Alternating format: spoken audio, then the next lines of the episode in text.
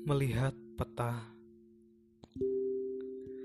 Hari ini, kematian membisikkan perihal-perihal indah. Langit pagi yang perangainya tenang dan hangat telah ditanggalkan.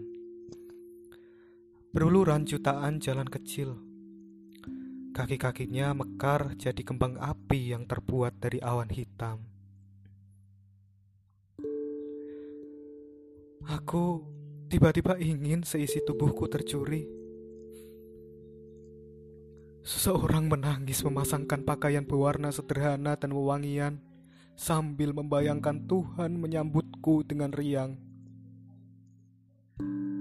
Engkau entah di mana. Membaca catatan yang kutulis dan terlambat tiba. Hari terakhirku jadi hari pertama bagimu. Kesedihanku terbakar menjadi abu. Kau tumbuh menjadi pohon yang pucuk-pucuknya hendak menyentuh biru angkasa.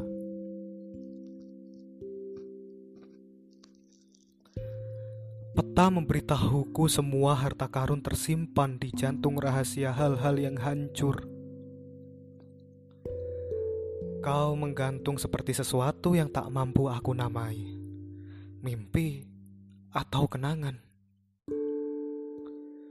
Di kepalaku, kau cahaya yang disaring kaca jendela berdebu, memasukiku sebagai jiwa yang lelah.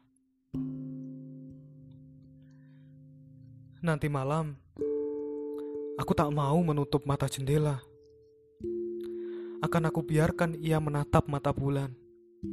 Tempat barangkali kau menitip rahasia. Sementara yang menetap di luar aku, segalanya dendammu. Memendam dendam, kata ibuku.